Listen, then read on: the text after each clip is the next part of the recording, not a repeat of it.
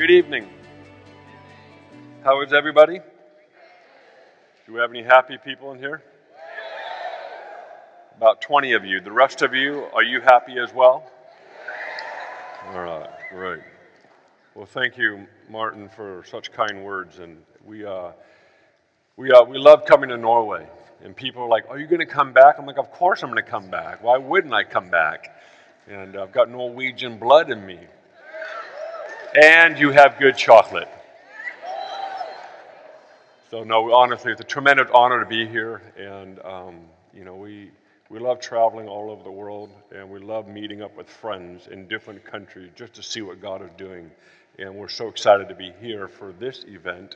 As we know, this event, in this room alone, there are people from all over the nation and uh, all over the world, honestly, as well as just uh, representing different churches and different streams in the body of Christ. And so I consider a, a complete privilege and an absolute honor to stand in front of you and just share a little bit what, what's God doing in our lives and what He's doing in our hearts. And so, again, it's an honor to be here.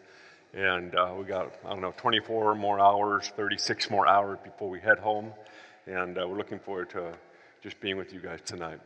And um, I want to do a few things before we get into the Word. I, I really have something strong in my heart uh, to share with you tonight. But I feel like we're supposed to, if we could have the lights up just for a few minutes, I'm going to call people out just for a moment. And um, during worship, I, I felt like there's people in this room. And if this is you, I'd like for you to stand up, because we're going to pray for some healing right now. Is there any way we could get the lights up? Is that possible? So just so I can see.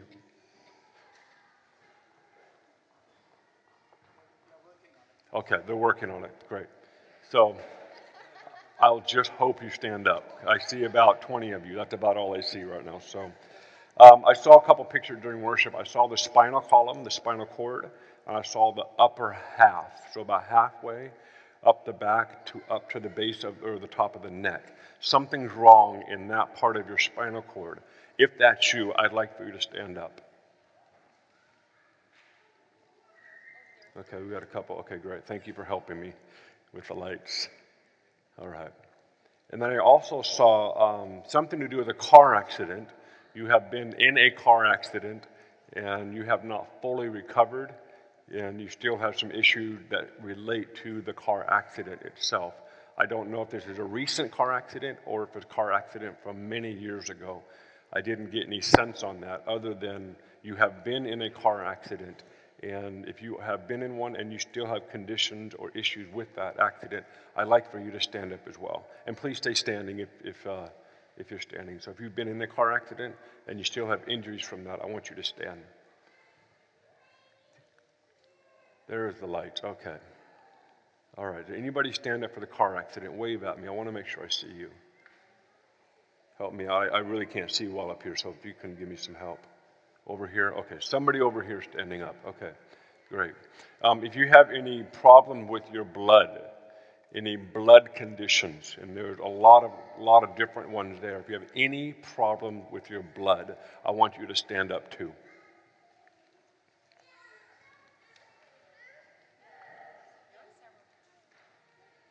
If you don't want to get healed, just stay seated. That's fine with me. I'm, I'm great with that. No, seriously, if you have any problems, it's, it's, important that you stand up quickly.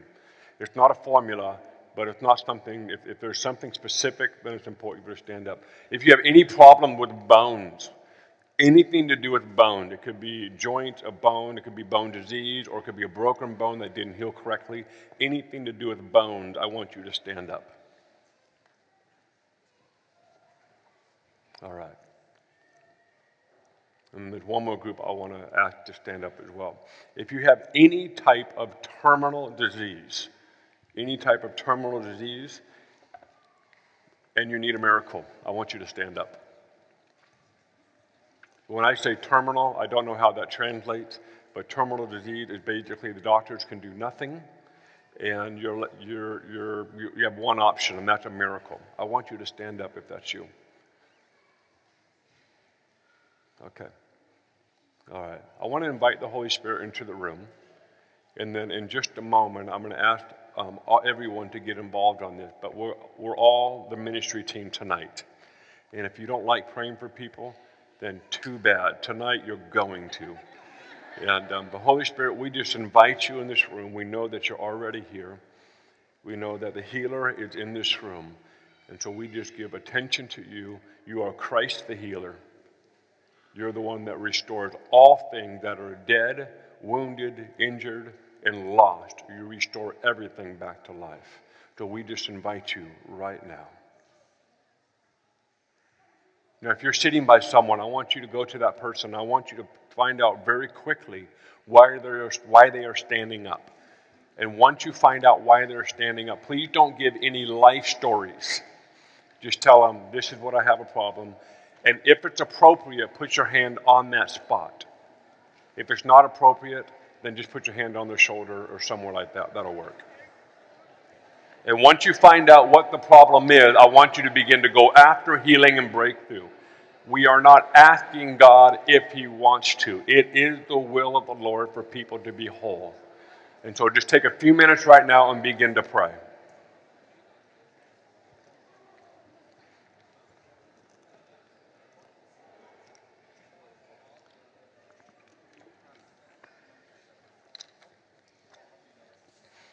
just take another moment. We command pain to leave.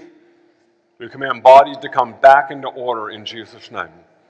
We speak, the, we speak the blood condition, if it's diabetes or any other type of blood condition, we speak health and wholeness to your blood system right now.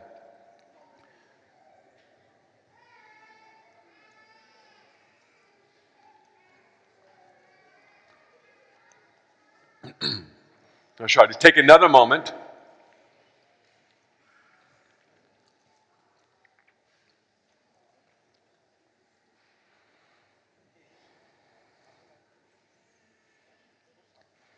Okay, go ahead and wrap it up.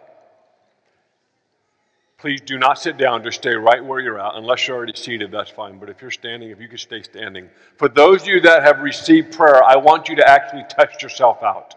If you need to come out in the aisle and do something, then do something. And I realize some of these conditions, you actually have to go back to the doctor. I understand that. But some of you are able to test it out. So if you need to step out into the aisle and do something that you could not do, then please do that right now. But while they're doing that, I would like to ask a question. If I keep everybody's attention up here. How many of you, as you were being prayed for, you felt something happen in your body? Put your hand up if that was you. Put your hand up high so I can see you. I see a few hands. You felt something. Is there anybody else that felt something while you were being prayed for? Okay, just a few of you. Okay, how many of you felt pain leave your body? Like the pain actually left? Wave at me so I can see you. Okay, how many of you actually felt like a presence, like, like a, maybe sometimes it's heat? I see your hand and like you feel like something just came upon you. Okay, is there anybody right and in the back as well. Is there anybody right now you would say that you have been healed right now? Put your hand up. There's one hand right over here. Praise God. Is there anyone else? We're gonna we're not we're gonna keep praying. So there's one person right here. Is there anybody else? Put your hand up so I can see you. Okay. Over here as well? Okay. You have your hand up for that?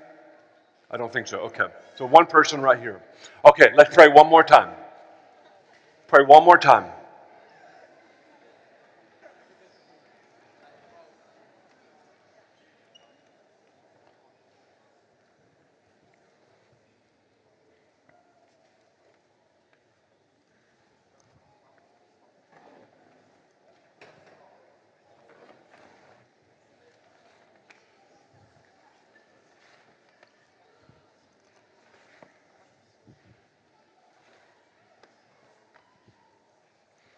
That's right.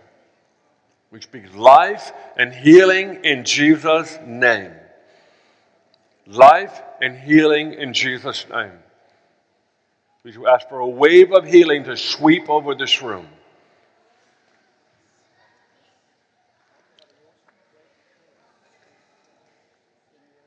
That's right. Just take one more moment.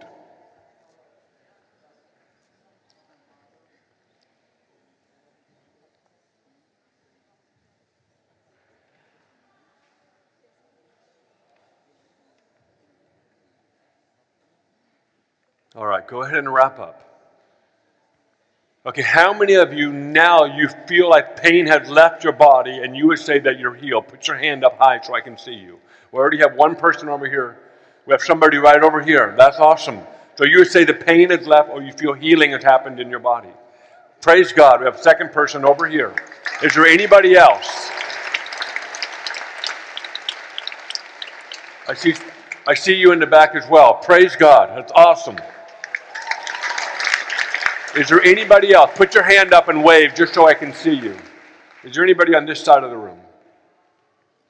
Okay, so we have three people. So let's pray one more time. Some of you might ask, why do we keep praying for people? Well, there's two main reasons. They still need healing, is the first one. The second one is Jesus actually prayed for a blind guy twice. And I'm so glad Jesus had that happen at least once in his life. It's kind of helpful when Jesus had to do it twice. Then it gives us reason to do it again. And those are the two main reasons. But a blind guy, Jesus prayed for him and asked the blind guy um, what happened. And he said, I see men walking like trees, which basically means his eyesight wasn't fully restored. So Jesus prayed again, and his eyesight was completely restored. So that is one of the reasons why we pray for um, we pray for people more than one time. So if you still need healing, I want you to tell the people I still need healing, and we're going to pray one more time. So go ahead and do that right now. Pray one more time.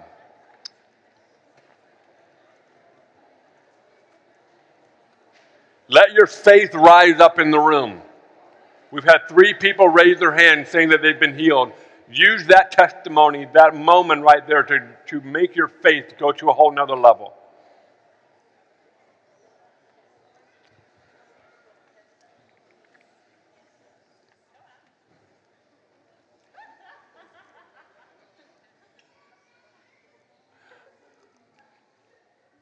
Just take another moment.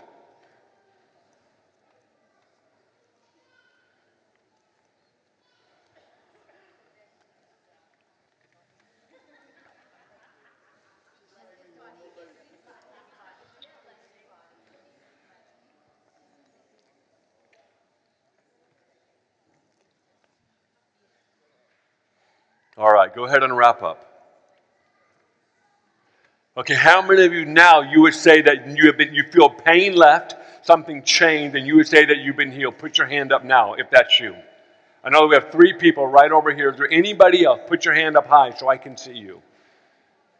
You would say that now you've been healed and pain has left your body. I see somebody pointing over here. There's somebody, where are you at? Oh, right here. Okay, praise God. Yay, God, right there. Is there anybody else? Put your hand up. Where? Raise your hand. I see. Oh, right here. I see you. Yay, God. Come on. That's awesome. Is there anybody else? Put your hand up. Praise God. Well, there's five people that raised their hand and got healed tonight. So why don't we give God thanks for right now? Just take a moment, just thank Him for five people that got healed. So, Jesus, thank you for your goodness. Thank you for your healing. And thank you that you love to bring all things back to life. And everybody said, Amen. I know we're going to pray for more people at the end of the night. We're going to have a fire tunnel at the end of the night. I just found out. And so we're going to go after it. And I know more people get healed at the end. And um, but I just wanted to take a few minutes at the beginning to, to do that. All right, you guys ready?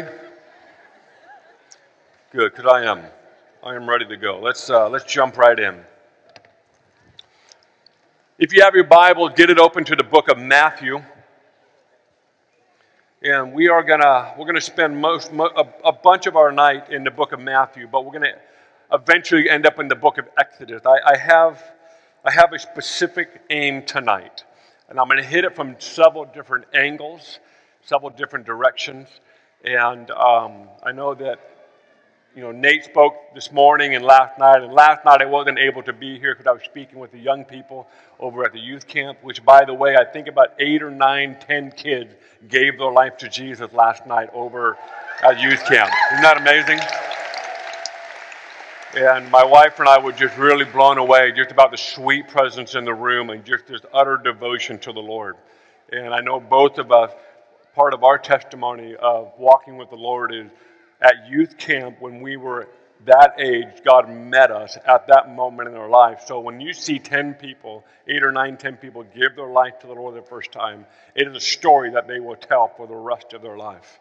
And then after, after we prayed with them, we had an altar call for people to just just to go after God with everything, literally to give the rest of their life to the Lord.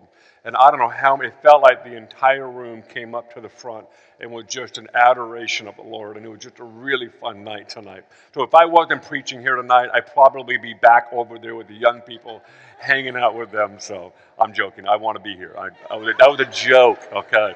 That was a joke. Well, tonight, what I want to do is I actually want to talk about a topic that is, is familiar, it's not a new topic, but I do believe what we're going to dive into will be somewhat helpful, if not revelatory, for some of you. You know, I've been a believer my entire life, to be honest with you. I, my wife and I, we just turned 41 years old, and we love getting older. So people say, you know, I ask people how old you are. That's rude. I say, why is it rude? Why is it rude to ask someone how old they are? Especially when they have gray hair. It's like you're just mean to ask somebody with gray hair how old they are. I don't get it because in the Bible it talks about gray hair is a very good thing. So I think it's great to find. I'm like, you want to be old because the Bible talks about being of age is a really brilliant thing. So if you have gray hair in this room, you're awesome. So, 41 years old, my wife and I are 41. We have no problem talking about our age because we look forward to getting old and we look forward to, I do at least, getting gray hair. And I've got some on my chin right now and I'm, I'm just loving it. But somehow my younger brother had more gray hair than me. I don't get that. So, anyway, we're 41 years old and I've been following the Lord literally my entire life. A lot of you know my story. I'm sixth generation pastor. Uh, I've been in the church. Uh, I've been. I've got six generations of church around me all the time, and I'm very grateful for it. I am. I am not. I'm not ashamed about it. I'm proud of it. I embrace it, and I run with it. You know, when you sign letters, and you, you know, you, there's like a little statement at the end of a letter before you sign your name. I usually write "running with an inheritance" because I know the Lord has given me a great inheritance, and so to whom much is given, much is required. And so I know that I take that seriously. And um, it's what gets me up every day. It's just to give everything for the rest of my life to the Lord. And I know I'm in a room of people that feel the exact same way.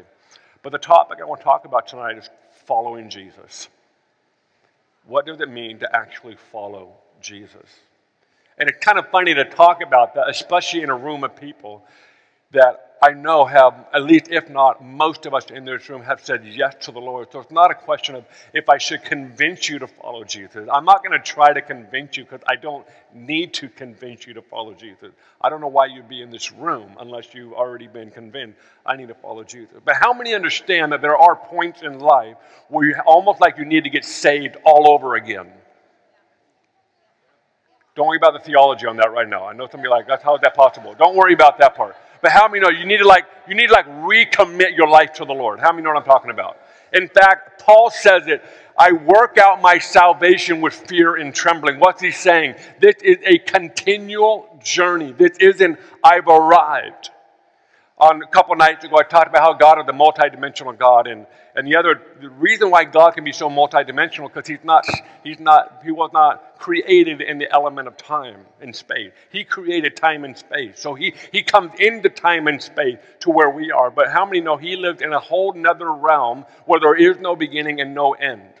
I remember as a kid when I would hear that God had no beginning and no end, or we would spend eternity with God, my mind simply could not comprehend eternity.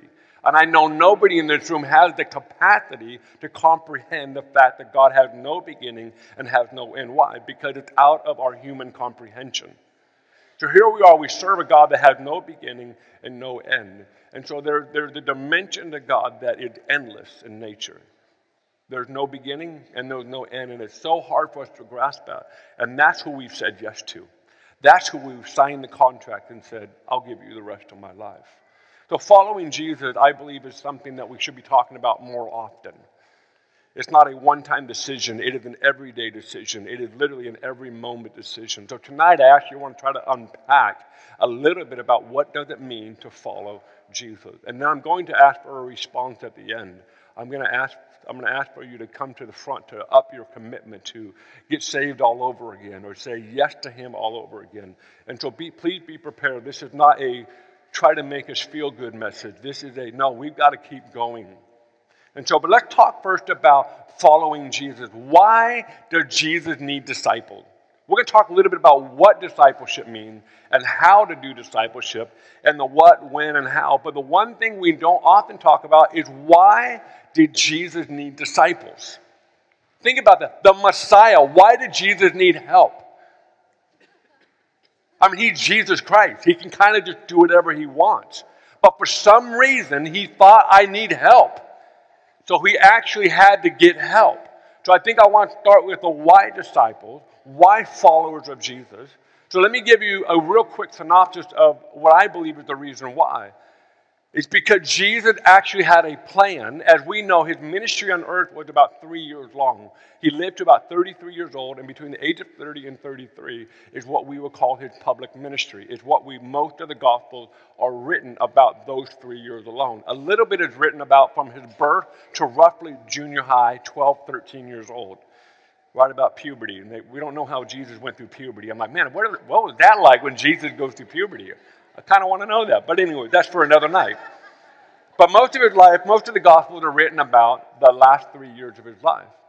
But right before he launches into his public ministry, he actually gets taken out into the wilderness and he is being tempted by the devil for 40 days and 40 nights. And he's fast and he's with the, not hanging out with the devil, but he's being tempted with the, by the devil.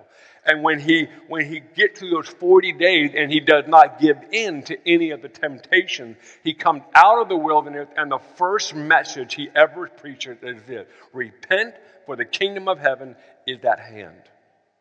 And then the very next moment, so if you'll turn with me to Matthew chapter 4. Matthew chapter 4. We're going to start in verse 18. So, verse 17 is repent for the kingdom of heaven is at hand. And then the very next verse. And Jesus, walking by the Sea of Galilee, saw two brothers, Simon called Peter, and Andrew his brother, casting a net into the sea, for they were fishermen. Then he said to him, Follow me, and I will make you fishers of men. They immediately left their nets and followed them. Going on from there, he saw two other brothers, James, the son of Zebedee, and John, his brother. In the boat with Zebedee, their father, mending their net. He called them, and immediately they left the boat and their father and followed him. Verse 20. Verse 23 And Jesus went about all Galilee, teaching in their synagogues, preaching the gospel of the kingdom, and healing all kinds of sickness and all kinds of disease among the people. So here we have this moment. Why would Jesus need disciples? And I'm going to tell you what I believe why Jesus actually needed disciples. He knew there was coming a day where he was going to be crucified. He knew all along, like, I, I am stepping into a culture, into a dynamic, into a time in human history that is so politically and religiously driven the culture itself. Oftentimes we look at the life of Jesus and we think, man, Jesus, he just had it easy. Everything was working for him. Yeah, but we don't often realize the context that Jesus was in. The intensity of the context and the culture that Jesus actually lived in is revealed by the end of his life. It, the culture could not handle the Messiah. And because they couldn't handle him, they ended up killing him. How many would say that's a pretty intense culture? Okay, three of you. Okay. Well, in America, that would be a very intense culture. Like when you can't handle one person any longer, just kill them. That's pretty extreme. What's my point? That culture was a melting pot of extreme religion and extreme politics. It couldn't handle someone that disrupted that system, so they killed him. And Jesus knew this all along. And he thought, okay, I need somebody, I need a group of people to carry on my message after I'm killed. So he said, I need disciples. So, why do I want to share that with you? Because sometimes discipleship has become more about me than about him. It's amazing how many discipleship programs that we create in the church, and it's about self help and self improvement. The entire premise of discipleship is not about the human being, it is about the one. Are you following me? So if you're in a discipleship program that is all about you, guess what? It's not real discipleship. Real discipleship is about Jesus. And that's it. Now, does it mean it never affects you personally? No, it should. Because when your eyes are on Jesus, when He's gazing back at you, you are transformed by the very gaze of Jesus. So I want to challenge you discipleship is not about me. It's amazing how much, even the word holiness, we, we, we have a very distorted view of what holiness means. Most people think, you know, we talk about holiness, we think, okay, what do I need to do to be pure? Then I'm holy. That is the wrong script you're reading about holiness. Holiness is not about you, it's not about me. Holiness is about the one. So the entire premise of discipleship is about Jesus, it's not about us.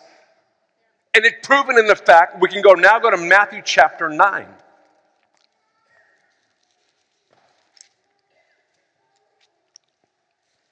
Matthew chapter 9, verse 9. As Jesus passed on from there, he saw a man named Matthew sitting at the tax office, and he said to him, Follow me. So he arose and followed him. Now it happened as Jesus sat at the table in the house that behold, many tax collectors and sinners came and sat down with him and his disciples. And it goes on about the Pharisees had a hard time with that. But what I love about this moment is most of us, I, if you don't know that, when you said tax collector in this day and age, you were also saying sinner. The word tax collector and sinner literally meant the same thing.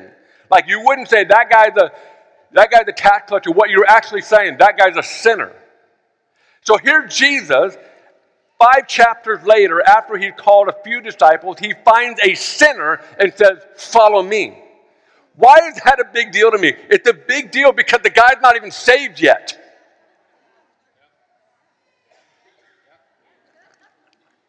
He's not even a believer yet. And we've got this idea that discipleship is about you're a Christian. No, it means you follow him, and at some point you're going to realize he's the one you're supposed to believe in. Have you noticed in the gospel, by the end of the gospel, by the end of Jesus' life, some of the disciples say, Now we believe you.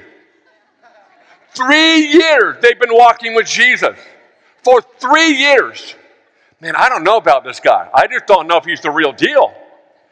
I don't, I mean, it's, it's amazing. I mean, miracles are happening, crazy stuff is happening. He is the most famous human being on the face of the earth. The multitudes flock him. We're seeing signs and wonders and miracles, but I don't know if I believe him yet. I love that because we have this perception of discipleship that is something that I, it's so self help. I need to get my act together, then I can be used by Jesus. And Jesus is like, no, no, no. Just follow me and we'll figure that out as we go. It's amazing how many discipleship programs have no emphasis on doing the signs and wonders and miracles and the impossible task. It's more about get your act together. Become a better person. You should stop lying, stop cheating, stop looking at other people lustfully. That's all part of the equation, but we made that the pinnacle of discipleship. No, the pinnacle of discipleship is following Jesus. That's it. And when you are literally following Jesus, it is in that motion your character is shaped. Your mindset is becoming more like the mind of Christ. Your life is starting to demonstrate and reveal who Jesus is. It doesn't happen beforehand, it happens as you follow him. And I see way too many believers kind of, I got to get my act together. Not yet, Jesus. Hold on. Let me get my act together. And I love the fact that Jesus finds a sinner and says, Follow me. And that was it. Are you with me tonight? If I can inspire you, you're not supposed to hang out and get your act together, then follow Jesus. Follow Jesus, and your act will eventually come together. This is revealed throughout the entire gospel. At one point, the disciples want to kill an entire city. Did Jesus let you kill them all? How many will call that a character issue? That's like serious stuff. In fact, they even got to a point where they said, hey, they're casting out demons. They're not a part of our group here. So Jesus, tell them to knock it off. And Jesus like, listen, guys, if they're not against us, they're for us. These are all character issues. Peter, cutting people's ears off. I mean, these guys are rough. They're not all put together. And somehow Jesus was okay with that because when you follow him, all that stuff begins to take care of itself. This is why we have to understand the simple verse in the Bible says, His goodness leads us to repentance. Most of the church read it this way My repentance leads me to His goodness. No, it's His goodness that leads you to repentance. It's when you see Him, I can't do this anymore. And what we do is say, you can't do that anymore. You need to stop doing that, and then he will embrace you. It is the exact opposite. Discipleship is about putting your gaze on Jesus, and when you have your gaze on Jesus, you begin to realize, I can't do this anymore. I've got to stop living this way. Why? Because when you see his face, it's an easy decision. There was a time, I'm, I need to get going here, but I need to share one story. There was a time with Candace and I, we were youth pastors for like nine years. We inherited a thriving, thriving youth group in a small town of Weaverville of 3,000 people, and we had we had about 75 kids coming to our youth group. The high school is 400 people, so almost a quarter of the high school is coming to our youth group. I would call that a thriving youth group. And about three or four years into it, our youth group shrank to nothing. Why? Because everyone graduated high school. And we begin to realize we're not actually reaching the next generation. I'll tell you right now, it was the worst season of leadership in my entire life. I was so discouraged for years. I quit a thousand times. I had, re- I had a resignation letter all written up in my heart. I was like, I'm so done with this. And I remember Candace and I called a leadership meeting, called our leaders together, and I said, guys, it was like, you know, if this is the state of the youth group, it's not going well we would show up on a Wednesday night. We have like eight or nine of our adult leaders, and one kid would come. Talk about discouragement. So we just go out to ice cream. Let's, let's just go out to ice cream. So I called our leaders in the room and said, guys, listen, everything on the calendar, wipe it off because our program ain't working. And I remember I had just read that verse, goodness leads us to repentance. I said, so this is what we're going to do. Our entire emphasis right now as a youth leadership team is to get our young people as close to Jesus as possible, and let's let Jesus do what he needs to do. And I told, we begin to work with our staff to listen, you have to get good at not flinching. I had one kid in my youth group, his name was Josh. And Josh, Josh was the kind of kid that bragged about what he did on the weekends. And he told you how many people he slept with, he told you what kind of drugs he would do. He would tell me he, I would spend the weekend in prison, and he was proud of it. He was proud of his actual complete immoral lifestyle. And I would have to get used to Josh telling me all of his stories about what he did on the weekend. And I had to tell myself, don't flinch. Don't show that you're shocked. Just listen to him go, wow. And inside, I'm like, dude, get your act together. You belong in prison. You are so out of control. I said, no, I'm just, I'm just to, I'm going to play the poker face, and I'm just going to trust that when he sees the goodness of Jesus, he'll get his life together. And in a short amount of time, he gave his life to the Lord. And it wasn't what, could I say, hey, man, you can't do that anymore. It was simply just being a listener and a lover and a friend. And in doing that, he began to realize, I can't live this life anymore. Because when you see the goodness of Jesus, you repent. So the entire premise of discipleship, it is, it's an amazing story. And he ended up passing away at a really, really young age. So I share that story often. He passed away in his 20s. And so I'm just really grateful that I didn't flinch. So to follow Jesus, discipleship is about Jesus. The next thing I want to talk about to follow what does following Jesus actually mean? It means to actually follow him. I know that's obvious. You're like, of course that means to follow him. But it's amazing in our day and age, especially social media, what, when you follow someone, all you have to do is hit a button. But there's no other responsibility requirement involved. You just follow them from a distance. Yeah, I follow you now. And we can continue on with our life, but we actually don't have to do anything to follow the person. And so sometimes, even in the church, in the body of Christ, we don't even know what it means to actually follow Jesus. One thing about Jesus is he never stops moving. Like there's a moment I shared with the young people last night. There's a moment of blind Bartimaeus, and most of us know the story. He cried out to Jesus, Jesus, son of David, have mercy on me. And the crowd said, shh, be quiet. And he, Bartimaeus said, no, Jesus, son of David, have mercy on me. And the verse said this, Jesus stood still. And I find that fascinating that the author, Mark, took the time to go, oh, wow, Jesus stood still. And I would like to propose to you because he didn't do that often. He was constantly moving, constantly moving. So I want to challenge you in your walk with the Lord. Are you actually following him, or you just pushed the like button or the following button and just said, Yep, Jesus, you just go for it. I'm your biggest fan. And you, he posted a picture of some great exploit, you're like, I love it. And you leave a comment. And we think that's following. The problem is you're not in any of the post. You're not in the pictures with Jesus. So to follow Jesus actually means to follow him. It actually means to go where he is going.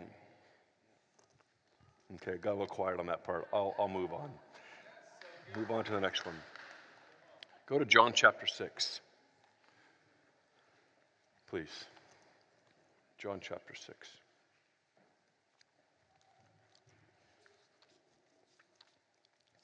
We're going to read a real quick story and then we're going to go to the book of Exodus and read about another great follower, Moses.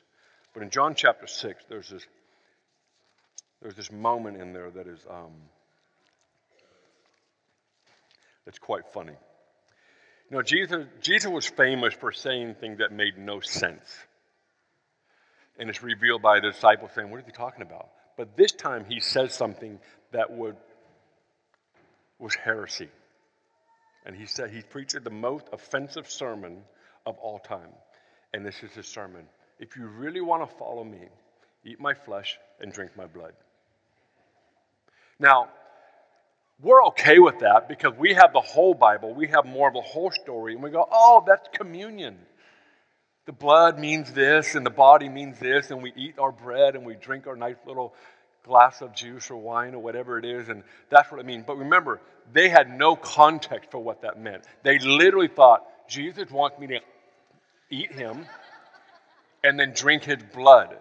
And I think Jesus woke up that morning because he realized I've got a massive multitude of people that are following me all over the Middle East.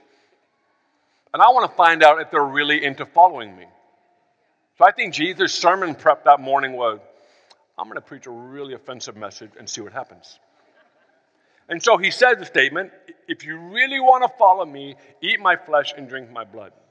And we all know what happened the multitude, one by one, begin to walk away. I think guys are walking away saying, Man, that was a really fun three years. But I'm getting off the train right now. I don't know what in the world that guy's talking about. And uh, many people begin to leave. And so here we go in verse 69. I'm sorry, verse 60. Therefore, many of the disciples, when they heard this, said, This is a hard saying. Who can understand it? When Jesus knew in himself that his disciples complained about this, he said to them, Does this offend you? Yes, it does, Jesus. No, verse 62. What then if you should see the Son of Man ascend to where he was before? It is the Spirit who gives life, the flesh profits nothing. The word that I may speak to you are spirit and they are life. But there are some of you who do not believe. And then go down to verse 67. Then Jesus said to the 12. So he was talking to a larger group of disciples, and then he taught to his inner circle of disciples, the 12 disciples. So, verse, um, verse 67, Jesus said, Do you also want to go away? Look at verse 68. Of course, it's Peter. Peter always talks first. He's a high eye, he loves the microphone, and he goes for it. But Simon Peter answered, Lord, to whom shall we go? Let's stop right there. What Peter is basically saying, I have nowhere to go. What did that mean? If he had somewhere to go, he would have left. Isn't that fascinating? That if he had somewhere to go, he would have left. But his point was, I have nowhere to go. Let's back up a little bit. What Jesus often does, he gets rid of all your options until he is the only option. Some of you are whining about your life right now, and all Jesus is trying to do is to reduce your option down to one, and it's Him. You have no other option in life but Him because there's going to come a day, there's going to come time where Jesus says something or does something that offends you. And if you have another option, guess what? You're going to go do the other option. And sometimes discipleship means He wants to rid of all your options so He's the only option left. But Peter said something here. He said, Jesus, I have nowhere to go because I sold everything. I walked, I left that life. But then he says this statement in the rest of that verse, but every time you talk, there's life. A disciple does not only listen with their head, they learn to listen with their heart. Listen to me. Disciples learn to listen with their heart, not just with their head. Because in that moment, their head said, This guy is crazy. He wants us to eat him. It's time to leave. You need to go repent to your family and all your friends that said you were crazy and tell them you were right. Jesus is out of his mind. That's what your head says in those moments. But Peter, somehow, in the midst of all of that thinking and knowledge, he said, I don't know what it is, but every time you talk, there's life. I just don't get it, but I'm staying with you. And that's what disciples do. It doesn't mean they disregard the mind, it just, uh, they understand how to listen to their heart. And I want to challenge you, Norway, learn to listen with your heart. Because you're going to see stuff that will offend you, that you won't like. It doesn't fit into your paradigm of what the kingdom looks like. But if you can learn to listen with your heart, you'll be able to walk right through it with no problem. You'll be able to keep following Jesus especially if we actually pray for new things. New things mean you've never seen them before. And there's a high chance you're going to be offended by the new thing you've never seen before. Why don't we get offended at certain things? Because we have an understanding and a paradigm for it. But when you have seen something that you have never seen before, you have no box to put in it. I don't get it. Eat my flesh, drink my blood. What the heck is he talking about? But Peter said, I don't know what it is, but I can, there's life here. So, one of the things about being a disciple is learn to listen with your heart, not just with your head. Now, go to the book of Exodus. Are you guys still with me? I know I'm yelling at you a lot, but I cannot help it. We're going to jump out of the gospel for a moment. I think I'm going to end with this. In Exodus chapter 32, by now the nation of Israel has left Egypt and they are in the wilderness. Do you know that movement, that following Jesus and that forward movement is essential to your health? Do you understand that if you stop moving, that's when bad things begin to happen? My grandma ended up in the hospital a few years ago for some condition. And because of the condition, she has so much pain in her body that she, she couldn't move because there was just so much pain. And because she had been in pain for a period of time, she stopped, she wouldn't get out of bed anymore. And I forget the length of time. And what had happened is her muscles began to atrophy. Her muscles began to deteriorate because she wasn't moving.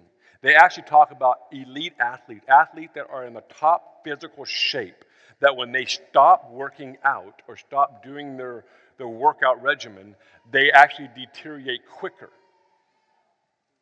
And I forget the actual percentage, but within two to three weeks, for an elite athlete, when they stop physically moving, their body begins to deteriorate instantly. What's the point? If you don't keep moving, atrophy begins to set in. And I like to challenge people what we like to do when things aren't going well is to stop moving. Ah, I'm just I'm really discouraged right now. And so we just kind of camp out and we sit down. That is the worst time to camp out and sit down. Somehow we give ourselves permission. I'm just going to hang out. Do you understand that when Jesus, um, when when God took the nation of Israel into the wilderness, do you understand why He kept them going in circles for 40 years? Do you understand that He kept them moving for 40 years? When they were in the wilderness, God's like, we can't let them camp in one spot for 40 years. If we don't, if we don't keep the nation of Israel moving in the wilderness, they're going to die. They're actually going to die and atrophy. So even in your worst season, God, you got to keep moving. So here we have the nation of Israel now out of, out of Egypt, and they're heading toward the promised land, and we now know it's going to be a 40 year journey. But we come to this moment where Moses is spending a lot of time on the mountain with God. He is spending days on the mountain. He's spending lots of time on the mountain. So the nation of Israel are looking at the mountain and they see cloud, they see thunder, they see lightning, they see darkness, they see smoke. And Moses is in the middle of it for days on end. And as you read the story, Moses would come down from the mountain and he would be glowing with the, the glory of the Lord. And at one point, he had to put a veil over him because he was just shining so bright. So we know that Moses was going up and down the mountain many times. Why is he doing that? Because God called him up there for one, but secondly, he had given Moses the strategy and the blueprint to begin to build, hum- to build the human race, begin to unleash the plan of heaven on earth. He gave him the Ten Commandments, gave him the construct of the law and the Mosaic law, and he began to do all these things. And so here we have this moment in chapter 32, verse 1. Now, when the people saw that Moses delayed coming down from the mountain, the people gathered together to Aaron and said to him, Come make us gods that shall go before us. For as for this Moses, the man who brought us up out of the land of Egypt, we do not know what has become of him. Verse 2 And Aaron said to them, Break off the golden earrings which are in the ears of your wives, your sons, and your daughters, and bring them to me. So all the people broke off the golden earrings which were in their ears and brought them to Aaron. And he received the gold from their hand and he fashioned it with an engraving tool and made a molded calf. Then they said, This is your God, O Israel, that brought you out of the land of Egypt. This is one of the most craziest, mind boggling moments in the Bible, if not the Old Testament. I want you to follow me. Give me. Just give me a few more minutes here. How do you get to a place in life? Where you build an idol? How in the world does a nation that has seen some of the most bizarre signs and wonders anyone in the human race has ever seen, even to this day, how do you follow a cloud by day, a fire by night, the Red Sea part? You see 10 plagues. You see a rock spewing out water to give water to an entire nation. You have manna on the ground every day. You've got the thunder, lightning on the mountain. I mean, you are in the midst of a move of God. You are experiencing a revival on earth like no one's business. And in one moment, let's build an idol. How do you get there? How do you, in one moment, see everything the Lord is all about and go, ah, let's create an idol? It would make sense if the Lord did nothing. They've never seen the Lord move. It would make a lot of sense, like, I've never, I don't even know who God is. Let's build an idol. That would make more sense to me. But it makes no sense to me that they will build an idol when they've seen it all. When they live in a revival culture, when they live in kingdom culture, when they live in signs and wonders and miracles culture. It doesn't make any sense to me why in one moment they would switch over and say, let's build an idol. Does that not, not make sense to you? Why would they build an idol? The answer is actually in the first verse when Moses delayed coming down the mountain. When the people had an expectation on how God should show up, and it didn't happen that way, in that moment they switched to an idol is when you have an expectation on God and He doesn't fulfill it, you will build idols at some point. There's a difference between expectation and expectancy. Expectation, you're in charge of the timeline. At some point, so today, tonight, I'm preaching tonight, obviously. I'm supposed to be in this room by 7 p.m. Let's say I didn't come in till 9 p.m. What would that be? I am late. I am delayed.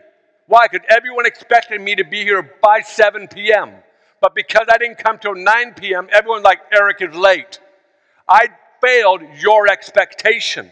And that's what happened here. The people got so accustomed to God moving, they expected Him to do it how they wanted Him to move. Are you guys alive? There's a difference between expectation and expectancy.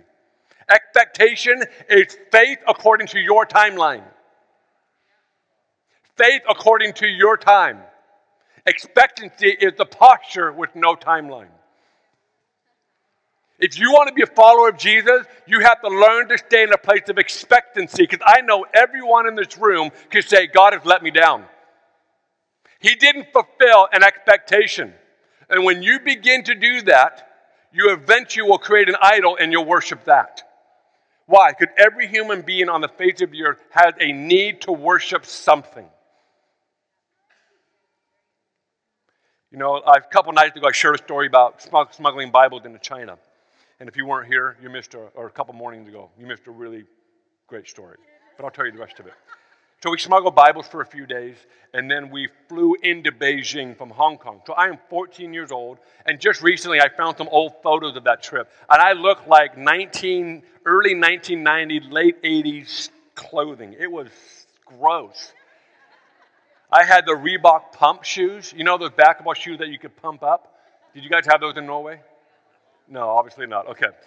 It was a really cool basketball shoe that you could pump, and the airbag would, would hold your foot. It was really cool, really expensive shoe. And I had those, and I had you know my jeans, and I had a Sony Sports Walkman with a cassette player, waterproof, and I put it on my belt. And I had the yellow headphones, and then I had a, a hip. I don't know if you can say fanny pack here. I know in England you're not supposed to say fanny pack, so I had a hip pack and and I had a rayon shirt with all these designs, and I'm 14 years old, and I look like a American to the max. And we fly into Beijing, and we're staying at this really nice hotel, and we had a couple of days off in the midst of like a two or three week trip of smuggling Bible. And so this was kind of our, our, um, our vacation, if you will.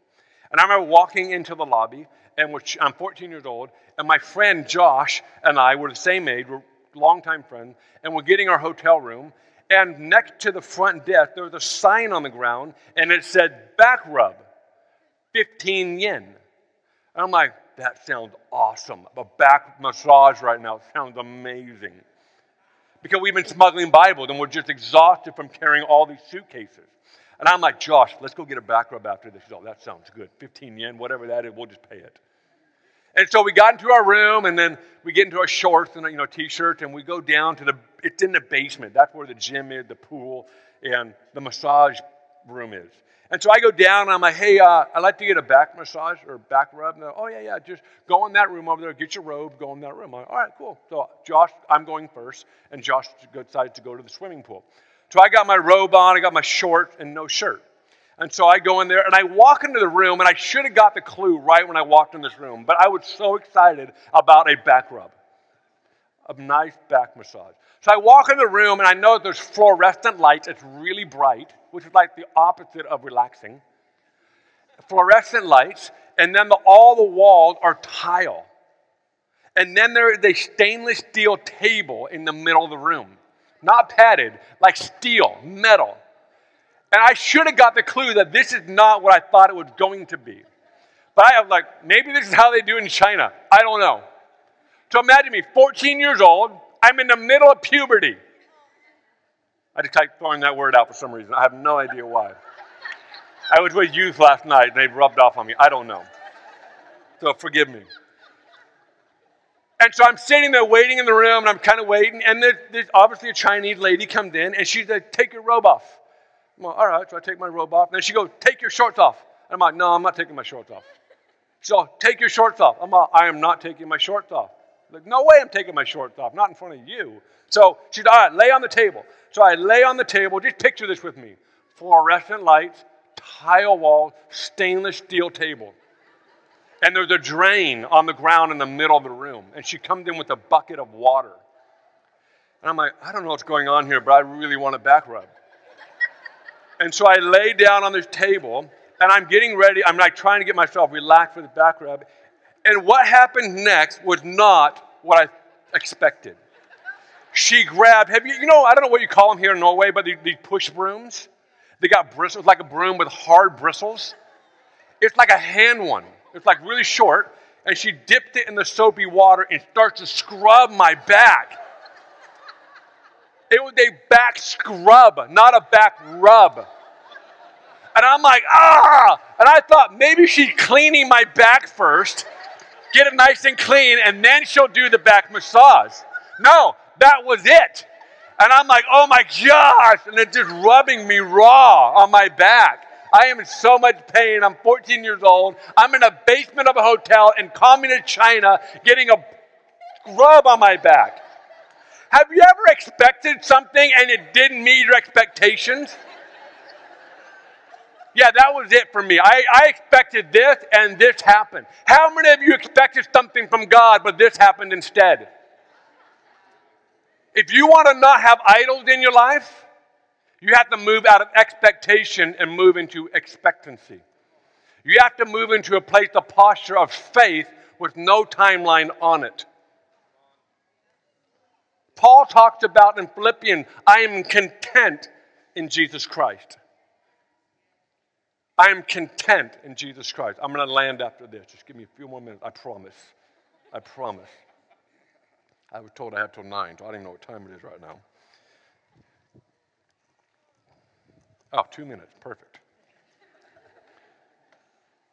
I am content in Jesus Christ. What Paul is actually saying, he's actually saying, I'm content in who he is, not what he does. I don't have time to dive into the scripture right now, but just trust me, that's what it says. He said, I, I'm content in who he is, not in what he does. See, a lot of believers, they become content in Jesus when he does something for them, which is normal. When somebody does something nice to you, you always go, Thank you so much. It, it, it, it requires a response. So that's normal. It's not evil, it's not bad. But if your relationship with the Lord is based on what he does for you, you will end up with many idols in your life, especially in those seasons when you can't find God. You'll find something else to satisfy the pain. You'll find something else to fulfill the emptiness in you. But if you and I, as the church, can move into a posture to simply be content because He's alive, then I believe we will become some of the greatest disciples ever to walk the face of the earth. Because discipleship is about Him, and that's it. Why don't you stand?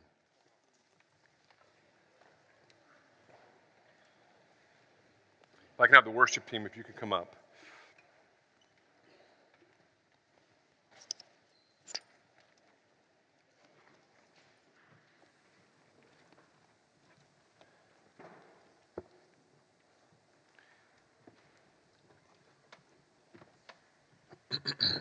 Thanks for hanging in for a few more minutes. What I want to do right now, I, would, as I was just kind of praying and leaning into tonight, talking about discipleship and following Jesus, I feel like I feel like we're supposed to make a commitment together. I feel like we're supposed to actually make a, a we're supposed to communicate something, a response. And so what I want to do right now, if, if what I said tonight resonated with you, it it, it, it hit you, it, it clicked with you, said, yeah, that's that's me. You know, my dad describes following Jesus is a lot like signing a blank contract. You don't know what the contract says, but you sign it first.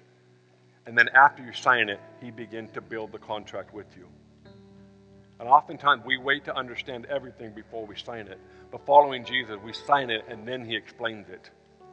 And I feel like there's people in this room tonight that you've only signed up for what you knew.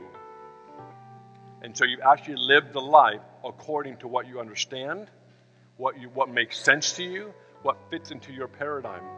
And I feel like the Lord is asking people tonight. I'm looking for people that will sign up before they know what's coming. I'm looking for Peters that say, I have nowhere else to go. But every time you talk, there's life. And I want to give a moment right now. We're going to sing a song in a moment here, but I want to ask for anybody in this room that this resonates with you. I want you to get out of your seat and I want you to come to the front. If that's you, I want you to come to the front.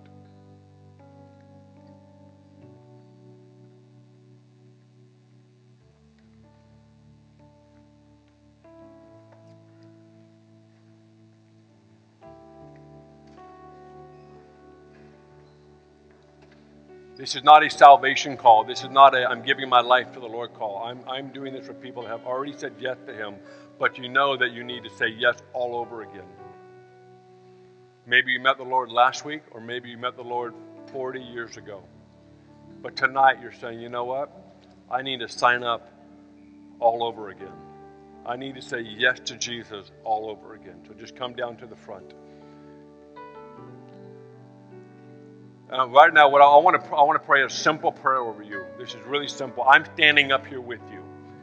I, I, I've, I've just been in this moment and this season of just saying yes to Him every day, yes to you. And so I, I want to pray for you right now. Then I'm going to have the team lead us in a song, and then I'll hand it back over to Martin. And uh, we're going to do a fire tunnel in a moment. But I really feel like this is important. So, Father, so just if you're up front right now, if you've come down, just put your hands out in front of you. This is just a, a posture of, of surrender. And so, Father, right now, I pray for every person that came up front right now, every person in this room. They've already said yes to you at one point in their life, but tonight they're saying yes to you all over again. They're saying yes to you because we know that following you is about you. That following you is not about us, it's actually about you. And so tonight, I pray for every person that's come up front that they will be marked tonight. That this day on the calendar will be forever remembered as the night that they gave everything for the rest of their life to you. That they signed the contract before they knew what the contract said. And I pray that people in this room will learn to listen with the heart, not just with their head. So I pray that just this passion to follow the Lord will go to a whole nother level. So let's worship together for a moment.